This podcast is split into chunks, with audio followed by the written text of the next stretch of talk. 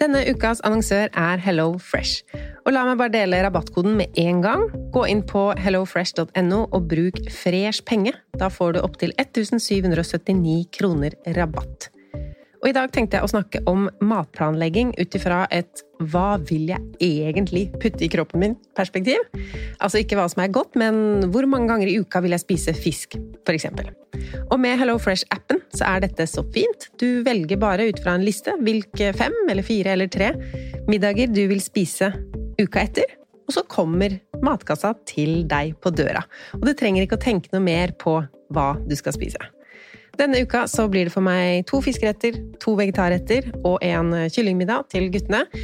Gå inn på hellofresh.no og se selv hva du kan velge mellom. Bruk koden FRESHPENGE for å få opptil 1779 kroner rabatt på de første seks matkassene dine, pluss gratis levering på den første kassa hvis du ikke har prøvd Hello Fresh tidligere. Rabatten kan du også bruke hvis du har vært kunde hos Hello Fresh, men det er mer enn tolv måneder siden.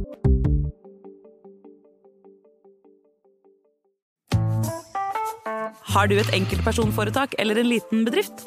Da er du sikkert lei av å høre meg snakke om hvor enkelt det er å sende faktura med fiken. Så vi gir oss her, fordi vi liker enkelt. Fiken superenkelt regnskap. Prøv gratis på fiken.no. Velkommen til Kjemperådet! Hey! Vi har fått inn et kjempenytt problem fra en mor. Jeg leser. Yes. Hei, jeg har en datter på 11 år som vurderer å slutte med orientering. Hun elsker jo å løpe, men finner aldri veien. Og jeg må sitte så lenge i bilen og vente. tricky. Yes, Ja, men ja dette her har jeg opplevd selv, faktisk. Og løsningen for meg ble da Maps på mobilen. Ja, hun er jo under 13 år. og Da får hun 5 gigabyte data for bare 149 kroner med Telenor. Oi. Hun bør jo sjekke ut nye mobilabonnement på telenor.no, da. Yes!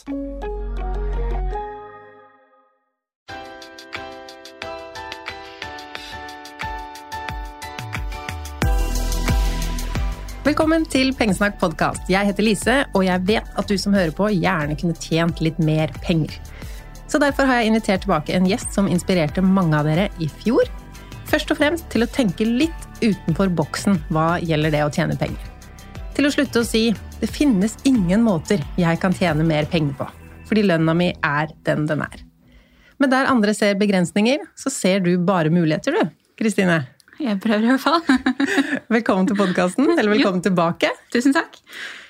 For de som ikke hørte på forrige episode med deg, som er eh, topp tre episode fra i fjor, folk som har streamet den mange ganger, så er det derfor du er tilbake. Mm. For de som ikke fikk med seg den episoden, kan du fortelle litt om deg selv? Hvem er du? Hvor bor du? Hva liker du å gjøre utenom jobb? For jobben din skal vi komme masse tilbake til i episoden. Når vi filmet inn, eller spilte inn forrige episode, det er jo nesten akkurat et år siden. Det er et år siden om to dager. Eh, Så da jobber jeg jo fulltid i Ikea. Eh, Nå jobber jeg jo ikke på Ikea i det hele tatt, nå jobber jeg jo helt for meg selv. Som jeg har gjort i nesten et halvt år. Det er veldig spennende og veldig nytt, og litt tidligere enn egentlig planlagt. Ja, veldig kult. Eller ellers så privat så bor jeg på Sokna, som er litt utenfor Hønefoss, med samboer og vår katt som heter Molly. Har bodd der i to og et halvt år. Og hvorfor flytta dere dit? Vi ville ha bedre plass. Vi flytta under korona. Eh, Vi bodde jo egentlig i en toroms leilighet og tenkte at det det funka jo, men når jeg satt i halvannet år på hjemmekontor i den leiligheten i stua, så fant vi ut at det, vi kanskje kunne tenke oss noe som var litt større. Så da flytta vi fra 50 kvadratmeter til 130, eh, med tre soverom og eget kontor, ikke minst. Det er jo det beste som fins, i hvert fall når man jobber hjemmefra. Helt Eh, enig. Ellers så øh, liker jeg å reise. Veldig glad i det sånn på privaten. Og nå har jeg jo en jobb som jeg i stor grad kan ta med meg, som er helt fantastisk. Har fått prøvd litt av det også i det siste. Å kunne reise på familietur til Tenerife og ta med meg jobben og sånt, som var veldig spennende. Og litt annerledes måte å teste det på i forhold til liksom ei venninne eller noen som er vant til å, at jeg sitter og jobber litt på siden og vi gjør noe, eller whatever. Ja. Og hva tjener du penger på i dag? Som gjorde at du kunne si opp jobben din? Ehm, Jeg starta en eh, nettbutikk i februar i 2023. Eh, Den prata vi jo så vidt om i desember, da var den jo ikke åpna ennå. Nettbutikken har tilbehør til planter, potter, underlagsmatter og litt diverse. Eh, Mosestokker og masse forskjellig. Så ikke selve plantene, men alt det jeg vil ha til å drive med planter. Ja, Vannkanner og fluefeller og Ja, basically. Og det er jo rett og slett fordi planter krever veldig mye lys, de krever veldig mye vann og strøm og varme. Um, og jeg har lager i kjelleren, så det er ikke noen bra kombo. Så det hadde vært veldig kult å ha planter på sikt, men uh, det er ikke noe som er på en måte mulig, i hvert fall akkurat nå. Det du snakka om sist, var vel at det her var noe du savna? At du som er interessert i planter, så etter et sted hvor du kan få tak i Stemmer. Ja. Så mye av det er jo ting som jeg har prøvd å finne i Norge, men som jeg ikke har klart å finne selv. um, som jeg har tatt inn. Og det virker som at det er flere enn meg som har savna det, så det er jo veldig gøy. Det er uh, en del basic ting og noen ting som er litt mer uh, for de som har liksom litt større, fancy, ordentlige planter. da. Men hvordan var det når du lanserte nettbutikken? Eller hvordan gjorde du det? Hadde du en sånn markedsføringsplan, eller hvordan fikk du kunder til å vite om at butikken din fantes? Um, det var egentlig mest på Instagram.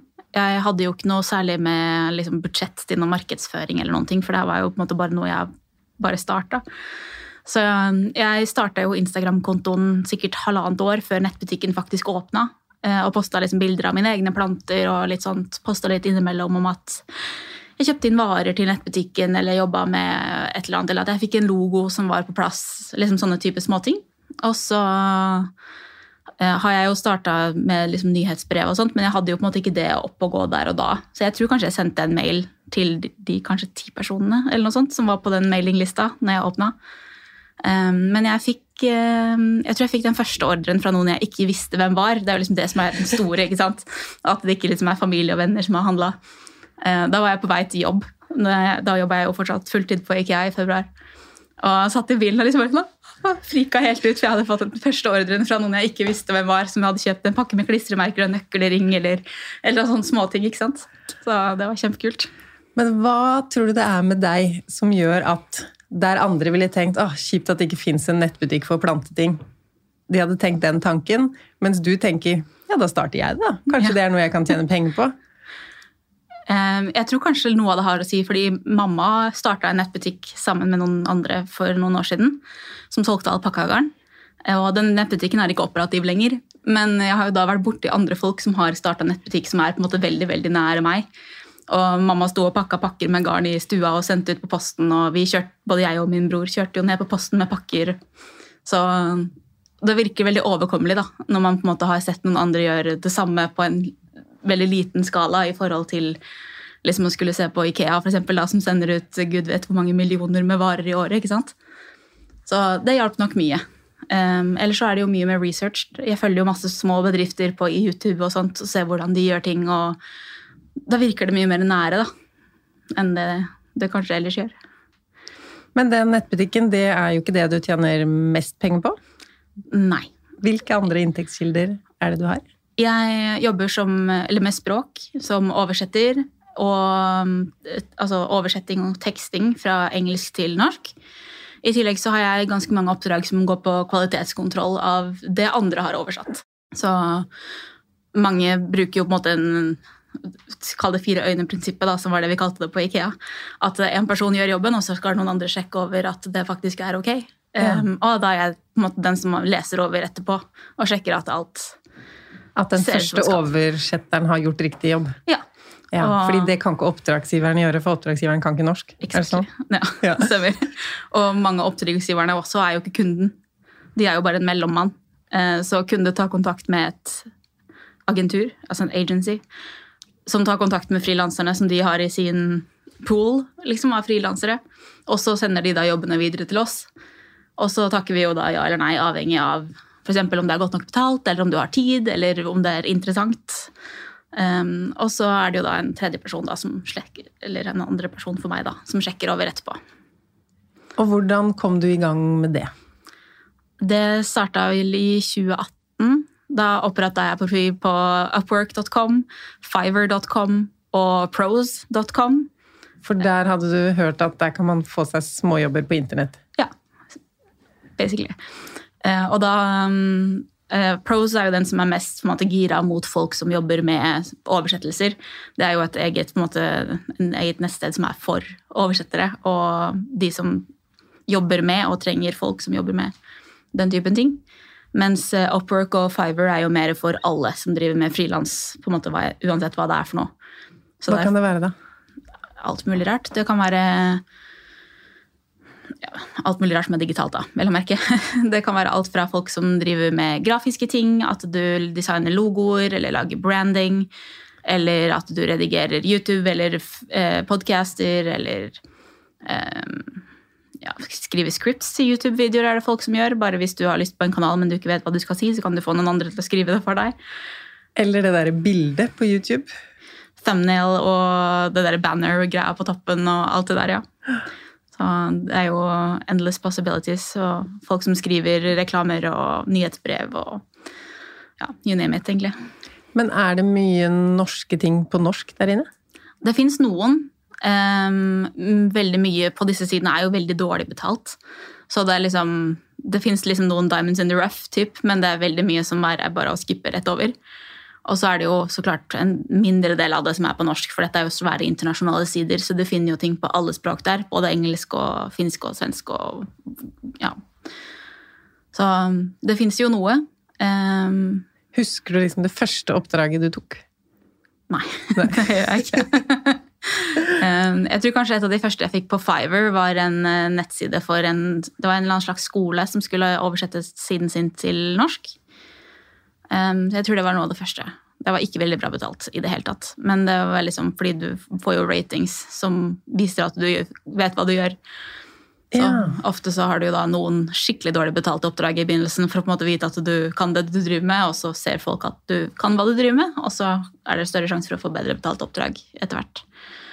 Men ja, det er eh, mye veldig dårlig betalt. Men noe av greia for deg når du starta, var jo at du ville tjene penger hjemmefra. Så det måtte være digitale ting. Ja. Nå har du jo altså Nettbutikken din er jo også hjemmefra, men den er jo ikke heldigital i og med at det er fysiske produkter. Nei. Um, men hva er det som er så gjevt for deg med å jobbe digitalt? Du snakka litt om reising. Ja, eh, det er jo en ting at jeg liker veldig godt å reise. Jeg har også mange venner som bor andre steder enn i Norge. Eller bare ikke her på Østlandet, hvor jeg bor. Eh, Etter at jeg har jobba i USA, blant annet, så får man liksom venner som bor overalt. Og det var det å kunne ta med seg laptopen og kunne besøke dem er f.eks. en stor ting. Og nå har jeg jo nettbutikken som på en måte holder meg her til en viss grad, men når jeg har vært borte i si en uke eller noe sånt tidligere, så har jeg bare skrevet liksom på alle produktene at produkter som bestilles denne uken, sendes ut mandag fordi jeg er på ferie, eller Og så sender liksom på ja, Facebook og Instagram og i nyhetsbrev og sånt at nettbutikken på en måte ikke vil være fullt operativ da, i denne uka, f.eks. Og det har jo funka greit. Og hva med arbeidstid? Var det ikke deilig å ha bare åtte til fire? Du visste at du var på jobb, og så var du ikke på jobb om kvelden. Problemet var jo at jeg var jo ikke egentlig det heller, da, for jeg jobba jo frilans i tillegg til å være fulltid. Så jeg jobba jo egentlig åtte til fire pluss, pluss, pluss. Um, og arbeidstidene mine på Ikea heller var jo ikke åtte til fire. Nei, for den er jo åpen når som helst, ja. Ja, så der var det jo åtte til fire eller tolv til åtte. Um, og på lørdager hver fjerde lørdag. Og grunnen til at jeg sa opp på Ikea også tidligere enn det jeg egentlig hadde tenkt, for jeg gikk jo ned til en 40% stilling fra 1. april i år, og hadde da egentlig tenkt å i hvert fall jobbe 40 ut året. Um, Men i mars, før jeg rakk å gå ned i deltidsstillingen min, så endra de arbeidstidene til å skulle jobbe til kvart over ni istedenfor til klokken åtte. Og det ville jeg ikke være med på. Så da leverte jeg samme oppsigelse samme dag som vi hadde infomøte. Hvordan ble det tatt imot? Det var forventa, fordi jeg hadde ikke vært stille om det i forkant. Jeg var jo hovedtillitsvalgt, så jeg visste jo om det en stund før det kom. Så det kom jo ikke som et sjokk på meg, sånn som det gjorde på mange av kollegaene mine. Skjønner. Så jeg hadde på en måte hatt sikkert en måneds tid på å på en måte kunne planlegge at den dagen det her går offentlig, da sier jeg ha det. Um, Hvordan føltes det å allerede ha bygget opp så mange inntektskilder utenom at du ikke følte deg låst til jobben? Kjempedeilig og kjempeskummelt. det er veldig Det er kjempedeilig, men eh, det er jo noe med at du har jo ingen sikker inntekt. Det er liksom, Hvis jeg blir sjuk som frilanser, så går det 16 dager før jeg får penger fra Nav. Det er liksom Ikke noe, ikke får jeg det fulle jeg tjener heller, fordi de beregner jo på en helt annen måte enn det en vanlig arbeidsplass gjør. Så ja, deilig, men skummelt. Og hvordan har, Nå har du jo hatt et halvt år med dine egne jobber på fulltid. Og hvordan er lønna? Altså lavere enn den var, men nå hadde jeg også jobba 150% i en par år, så det er jo ikke liksom uvanlig. Så den er høy nok til at det går, men det er jo ikke noe luksusinntekt. Det er det ikke. Um, men som på en måte en startlønn, for, spesielt for noe som da starta liksom ni måneder før jeg egentlig hadde forventa at jeg skulle kanskje være for meg selv, så er det absolutt levebart. Men uh, luksus er det jo ikke. Du begynte jo med disse tingene som ekstra inntektskilder. Mm. Oversettelse, YouTube, alt du driver med på internett. Når skjønte du at på en måte det her kan bli hele jobben min? Um, jeg tror kanskje det var en gang i løpet av i fjor.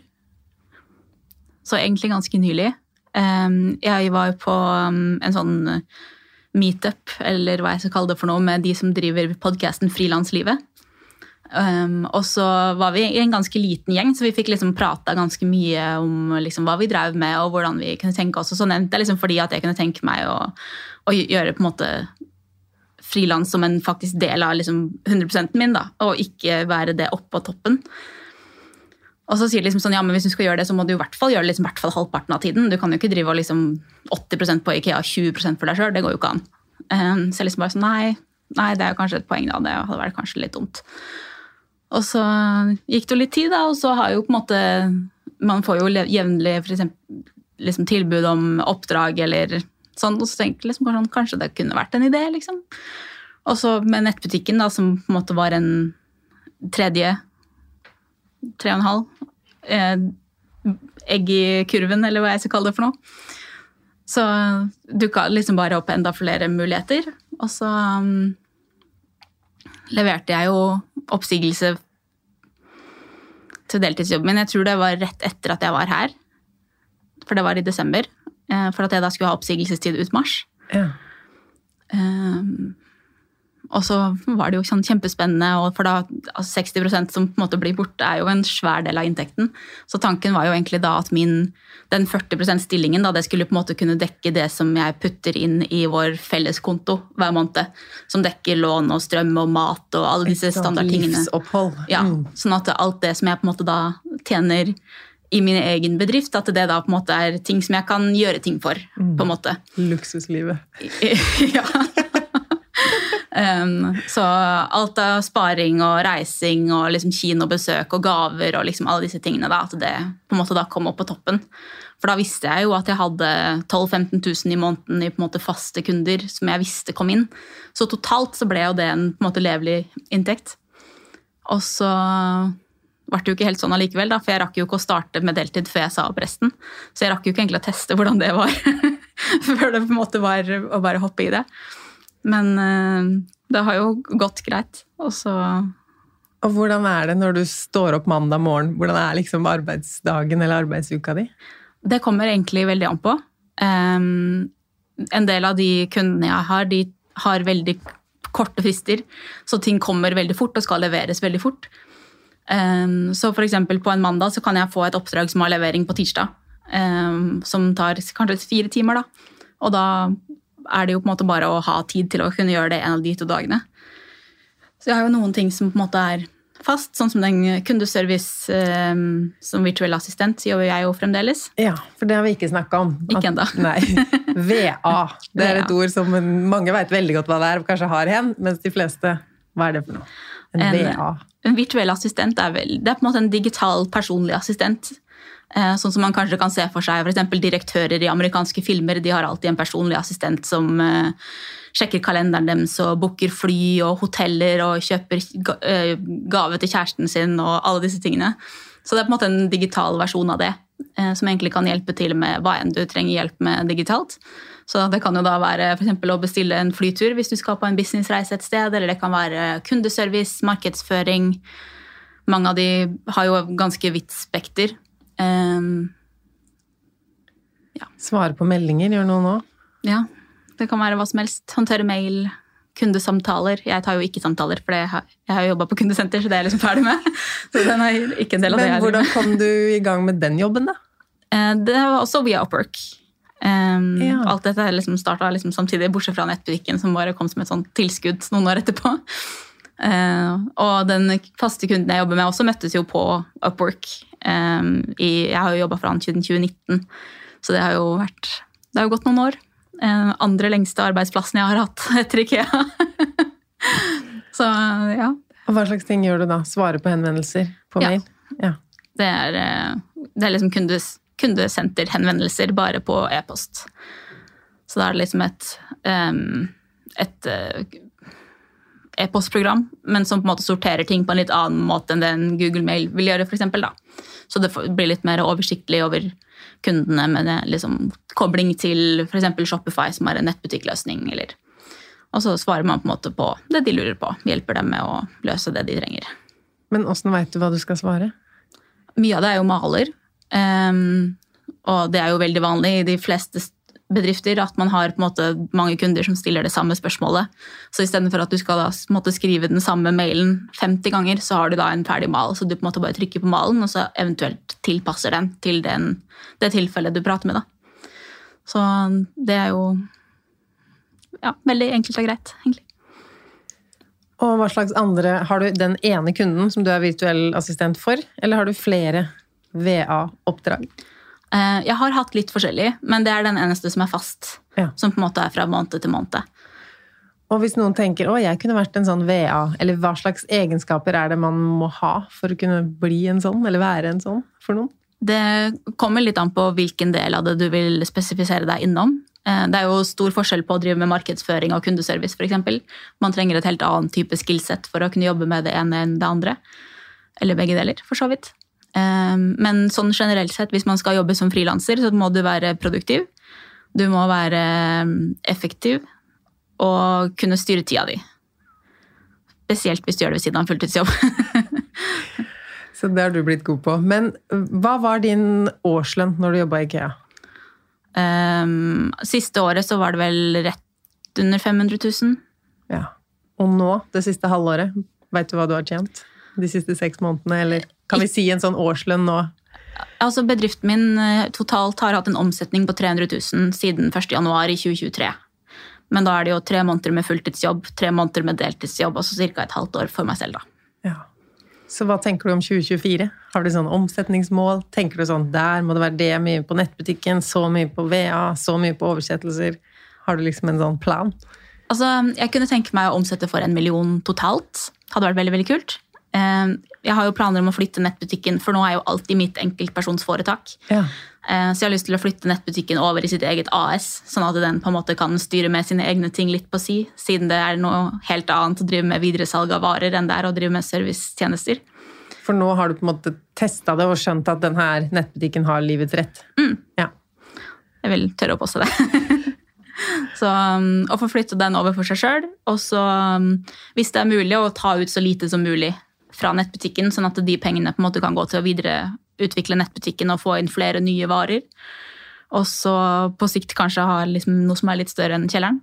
Um, og målet med nettbutikken er jo å kunne ha en ordentlig bedrift. liksom, og ha Ansette folk og kunne ha en, liksom noe ordentlig. da. ja. Sånn at du er eieren, og så er det noen andre som jobber der. Ja. Altså, Jeg kan godt gjerne jobbe der, jeg syns det er kjempegøy. Men eh, liksom å kunne hjelpe til med å skape arbeidsplasser i lokalområdet. Og, og jeg har jo ingen investorer, eller noen ting, så det, liksom, det skal ha litt omsetning da, for at ting liksom skal gå rundt. Ja. Hva vil du si er eh, ulempene med å jobbe som du gjør, med så mange forskjellige ting? Um, altså Med mange forskjellige ting vet jeg ikke egentlig om det er noen spesiell ulempe ved. Jeg er veldig glad i variasjon, så det passer meg egentlig kjempefint å ha masse forskjellig. Men eh, for um, som frilans generelt sett, så er det jo gjerne det med sosiale rettigheter som blir dratt opp som en ulempe. Eh, Og det er jo basert på flere ting, bl.a. på hvordan sykepenger og pensjon, eller mangel på pensjon, eh, håndteres. Og hvis du skal bli forelder, f.eks., for hvordan mammaperm og pappaperm og alle disse tingene fungerer når man ikke er ansatt i en vanlig bedrift. Um, og det er jo en ting som man på en måte fikser på da, ved å ha et AS. For eksempel, så vil man jo få utbetalt en lønn og være arbeidstaker, og da vil du også få tilbake de rettighetene basert på den lønna du får i den bedriften. Men um, bare det med å være på en måte flere forskjellige ting tror jeg ikke egentlig det er så veldig mange ulemper ved. Men hvis du har problemer med å omstille hodet ditt etter hva du jobber med, så vil jeg kanskje anbefale å bare fokusere på én fast greie. Så du Ok, la oss ta fordelene, da. Hva er fordelene med din arbeidshverdag nå? Um, altså det største for min del er vel at jeg kan jobbe hjemmefra. Um, Slipper å pendle? slipper å pendle. Jeg har um, en sånn Jeg har en sånn felles eh, kontorplass i Hønefoss, så jeg kan reise dit for å sitte en dag her og der hvis jeg har lyst, men jeg har ikke hatt bruk for det ennå. Um, men hvis jeg på en måte trenger å komme meg ut, så har jeg muligheten til å stikke dit. Um, men jeg syns det er veldig, veldig, veldig deilig å bare kunne stå opp og, og sette meg i sofaen og jobbe litt, og så kan jeg flytte meg på kontoret mitt og jobbe litt, og så hvis jeg har lyst, så kan jeg gå og ta lunsj med ei venninne midt på dagen uten at noen bryr seg. Jeg, liksom, jeg kan legge opp arbeidsdagen min sånn som jeg har lyst. til. Jeg kan sove så lenge jeg vil, eller eh, jobbe fra hvor jeg vil. For, I hvert fall for det meste, da, med unntak av dette med å sende ut varer og sånt. Og ja, variasjonen føler jeg liksom bare gjør meg litt våken. Og hvor mye vil du si du jobber? Er det syv og en halv times arbeidsdag, eller? Jeg tror faktisk jeg jobber litt mindre enn det nå. Eh, I hvert fall med liksom sånn ordentlig jobb, da. Um, jeg har jo liksom litt sånn forskjellige kurs og sånt som jeg tar um, via um, ProSea har egne kurs som du kan ta. Og så har jeg jo medlemskapet i Translator Academy, som jeg tror vi nevnte så vidt sist. For å bli bedre på oversetting? mm, det er på en måte et sånt eh, kurs du kan kjøpe for å på en måte bli, bli oversetter da, Mm. i praksis. Så de liksom tar deg gjennom alle trinna med hva du trenger, hvordan du setter opp en god CV, hvordan du får kunder, hvor finner du kunder, eh, hvordan eh, forskjellige verktøy du kanskje trenger i jobben fungerer og alt sånt. Um, og Så hva oversetter du da? En hel film, eller kort? Hva oversetter for eksempel. Um, mesteparten av det jeg gjør, er sånne Snapchat-historier. For der har jeg en fast kunde som jeg filmer mellom to og tre sånne hver eneste uke. Um, det jeg ønsker jeg å gjøre mer av, er det med filmer og TV. Jeg syns det er kjempegøy. Um, og det har vært kjempestille pga. streiken som har vært. Så har det vært veldig dødt i nye produksjoner av egentlig alt. Uh, så siden typ ja, Jeg tror jeg hadde et oppdrag i mai, og så fikk jeg det første igjen nå. eh, Som jeg leverte i november. Ja. Så det har vært veldig veldig stille det siste halve året. Så jeg håper det plukker seg litt opp igjen. Jeg skjønte ikke det med Snapchat. Hva er det du oversetter? Det er sånne mm, eh, Det er en sånn tenåringsgreie, egentlig. Men det er liksom sånne historier hvor liksom to personer sender melding fram og tilbake på Snapchat, og så får du på en måte en historie ut av det. Ja, og der lager du det på norsk. Ja. Så jeg får på en måte et ferdig manus på engelsk, og så oversetter jeg manuset til norsk, og så spiller jeg det inn med å sende meldinger til meg selv. Kult. Men til de som hører på nå og er bare sånn Jeg skjønner ingenting. Hva, hva kan jeg lære av det her? Jeg er jo ikke sånn som Kristine, så teknisk, eller hva, hva har du å si? er det veldig vanskelig, det du driver med? Eh, Det kommer an på hva man definerer som vanskelig. Mye av det er jo tidkrevende. Og sånn som oversettelser er jo veldig Det er jo veldig språklig, så det er liksom Hvis du ikke er noe glad i språk, så er det vanskelig. Men det kommer jo an på hva man på en måte trives med. Um, og hvis man finner på en måte sin riktige bransje, så er det nok noe for alle. Innafor diverse digitale måter å tjene penger på. Enten det er å starte en nettbutikk, eller om man har lyst til å jobbe som um, oversetter eller virtuell assistent, eller ja, hva som helst annet, egentlig. Føler du på mye usikkerhet? Kanskje først og fremst når det gjelder penger og inntekt? Overraskende lite. Ok? Um, jeg vet ikke, jeg tror kanskje det bare er et sånt mindset at det kommer til å gå. uh, og så er det liksom Ja, bare Ja, rett og slett. Det kommer til å funke, liksom. Og hvis det ikke funker, så kan du jo ta deg en jobb igjen. Er det sånn Ja. Worst case, så jobber jeg som alle andre? ja, eller i hvert fall deltid, da. Jeg tror ikke jeg hadde klart å gå tilbake til en fulltidsvanlig jobb. I hvert fall ikke over en lengre periode. Nei. Men øh, å kunne gå tilbake til en ny deltidsjobb er jo absolutt noe jeg har hatt i bakhodet. Eh, spesielt med tanke på at jeg liksom egentlig hadde tenkt å ha en deltidsjobb fremdeles. Så er det liksom det verste som kan skje. Og da hadde du ikke trengt å kutte ut noe, egentlig. Da kunne du hatt en halvstilling, og så kunne du drevet med oversettelser, vært ved og drevet nettbutikken din. Ja. Så det hadde ikke gått utover noe sånt. Eneste er det med de korte fristene. Eh, For Ja. Hvis du på en måte har da blitt fast opp, satt opp med at du jobber hver tirsdag og onsdag, eksempel, så kan ikke jeg nødvendigvis da, Eller jeg kan, men da blir du jobbe veldig seint, som er det jeg har prøvd å unngå etter å ha gjort det altfor lenge. At man da plutselig får et oppdrag på tirsdag som skal leveres på onsdag, og så skal du jobbe begge de to dagene, f.eks. Litt sånne type ting, da. Fremover, da, Kristine. Jeg lurer på retningen blir liksom mer at du går i retning av en, den tingen som blir mest lønnsomt, eller at du leiter etter flere ting, sånn at du kan ha oversetting, VA, nettbutikk, kanskje enda nettbutikk, en andre Altså leiter du etter flere ting, eller prøver du å spisse deg mer? Um, både òg. Det var et rart svar. ja, jeg vet. Um, nei, altså jeg um, kunne absolutt tenke meg flere ting på ett vis. Og så er det kanskje noen ting som på sikt jeg kunne tenke meg å kutte litt ned på. Um, F.eks. tekstoversettelser.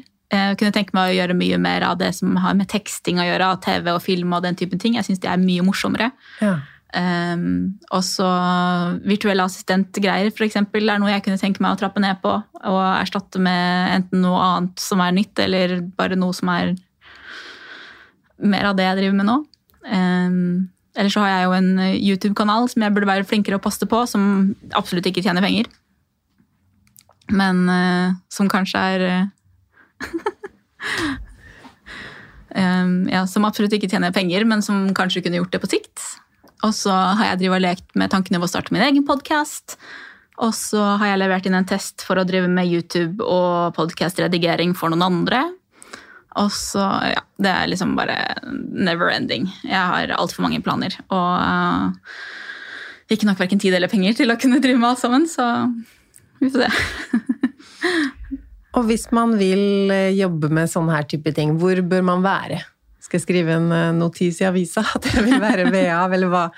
Må jeg befinne meg noe sted? Fysisk eller online? Um, LinkedIn er et uh, fint sted å starte. Ok. Um, veldig mye spesielt oversettelser greier som legges ut på LinkedIn. Um, hvis man vil drive med oversettelsesbiten, så vil jeg også sjekke ut pros.com. proz.com. Um, Upwork og Fiver kan være verdt å sjekke, men som sagt mye gråstein. Veldig få diamanter. Men uh, det fins litt her og der som er ålreit. Ellers så um, Ja, være åpen, liksom. Bare holde øynene åpne og se hva som eksisterer. Har du liksom tatt kontakt med noen selv og sett sånn 'Jeg ser du gjør det her, jeg er flink til å klippe YouTube, skal jeg klippe YouTube?' Altså, er du proaktiv sånn? Ja, den uh, testen som jeg leverte tidligere denne uka her for uh, YouTube og podcast, det var en person som jeg tok kontakt med. Så de hadde posta på en Facebook-gruppe, nå husker jeg ikke hvilken, uh, at de trengte noen. Det var sånn i begynnelsen av november. Og så sendte jeg bare en melding liksom sånn Hei, det her er meg, jeg driver den YouTube-kanalen her, og bla, bla, bla. og så hørte jeg liksom aldri noe mer, så jeg hadde egentlig glemt at jeg sendte meldinga. Og så fikk jeg en melding tilbake igjen forrige uke hvor de bare sånn Hei, er du fortsatt tilgjengelig? Eh, for de hadde prøvd noen andre som hadde ghosta dem. Okay. Eh, og så sier jeg liksom sånn, ja, det, det altså, Vi hadde et møte på Zoom og prata litt, for hun sitter i USA. Og ja, har jo levert inn SS-en, da, så hvis det løser seg, så plutselig så var det en ting, ting Og hvordan veit du da hvor mye det skal koste? Fordi prising av sånne her tjenester er jo noe helt annerledes. ja, det er jo det. Så eksempel teksting og sånt er jo betalt per minutt med video, eller per ord. Ja, så Eh, det er veldig regulert. Eller velger de selv hvilken pris oppdragsgiver? Ja, de prøver jo å velge, men eh, man prøver jo å takke nei da, til det som er skikkelig dårlig betalt, for det varierer veldig. Ja. Um, og hvis du jobber med for eksempel en direkte kunde i Norge, så tar du mer betalt enn hvis du jobber for et agency, som regel, fordi kunden i Norge er jo gjerne litt bedre off enn det mange andre. Uh, spesielt en del som sitter i eksempel i Asia, og sånt, så er det mange som vil ha norske oversettelser, som vil betale ett øre per ord. ikke sant? Og det er jo absolutt ikke noe å prate om. Um, så det fins fins jo en guide ish for hva man burde ta. Um, for uh, norske språk er jo ganske lite, så hvis man trenger oversettelse, så er det jo ikke så mange å velge mellom. Til forskjell fra spansk eller kinesisk, som er liksom noen av de største språkene i verden. da. Um, så på norsk så prøver man vel å legge seg på sånn rundt et, o- en krone per ord. eh, Og si litt om hvor dårlig et øre per ord er, f.eks.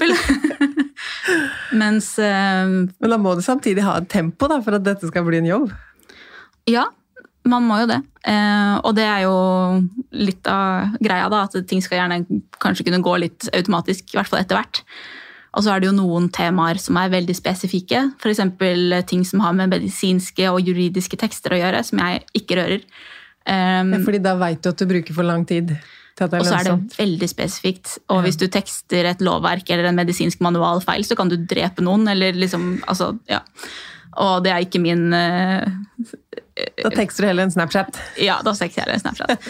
Um, så, da, men da kan du også få bedre betalt, da, fordi det er veldig spesifikt. Um, men den spesifikasjonen har jo ikke jeg. Den er liksom ikke noe jeg har tenkt på. Så det er liksom ting som har med lovverk, medisinsk og veldig teknisk, det holder jeg meg unna. Eh, Det får de som er veldig flinke på den delen av det, ta seg av. Og så kan jeg styre med det som er litt mer generelt. Men sånn som de andre tinga, med YouTube-klipping og Tenker du liksom time betalt eller produkt, eller hvordan veit du hva slags priser du har? Eh, Med den som jeg sendte inn test på, så sa jeg to alternativer. Eh, og da er det en som er liksom pris per minutt med rå, rå footage, og en eh, timespris, eh, sånn at hun på en måte kunne velge. Um, og det kommer jo også litt an på, på måte, hvor fancy vil du ha ting. Um, og i det tilfellet her så var det jo forholdsvis enkel redigering. Det var liksom ikke masse sånne svære flashy designgreier og pop-ups og masse sånt som tar veldig lang tid. Eh, For hvis det er tilfellet, så kan det jo være fint å ha times betalt, eksempel, sånn at man faktisk Får betalt for tiden sin. Mm. Men her var det ganske, ganske enkelt. Eh, Så da sa jeg eh, 50 dollar per time eller 4 dollar per minutt. Med liksom raw footage. Da. Og så kuttes det jo ned. Men så er det jo stor forskjell fra hvordan folk tar opptak også. ikke sant? Om det er mye dødtid eller ikke, så kan det kanskje være den ene eller den andre som er Mest lønnsomt, ja. ja.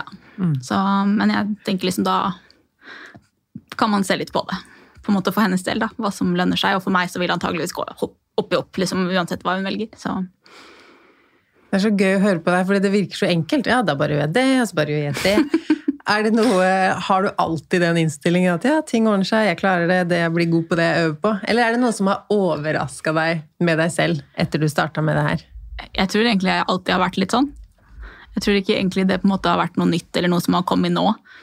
Um, jeg har liksom alltid vært veldig meg selv og veldig bastant på hva jeg mener og tenker. Så Og positiv. ja, og positiv. Men når du starta med alt dette, så var det jo sånn jeg trenger litt ekstra penger fordi jeg skulle kjøpe leilighet, eller? Du ville ha ekstra penger i tillegg til inntekts, altså din hovedinntekt.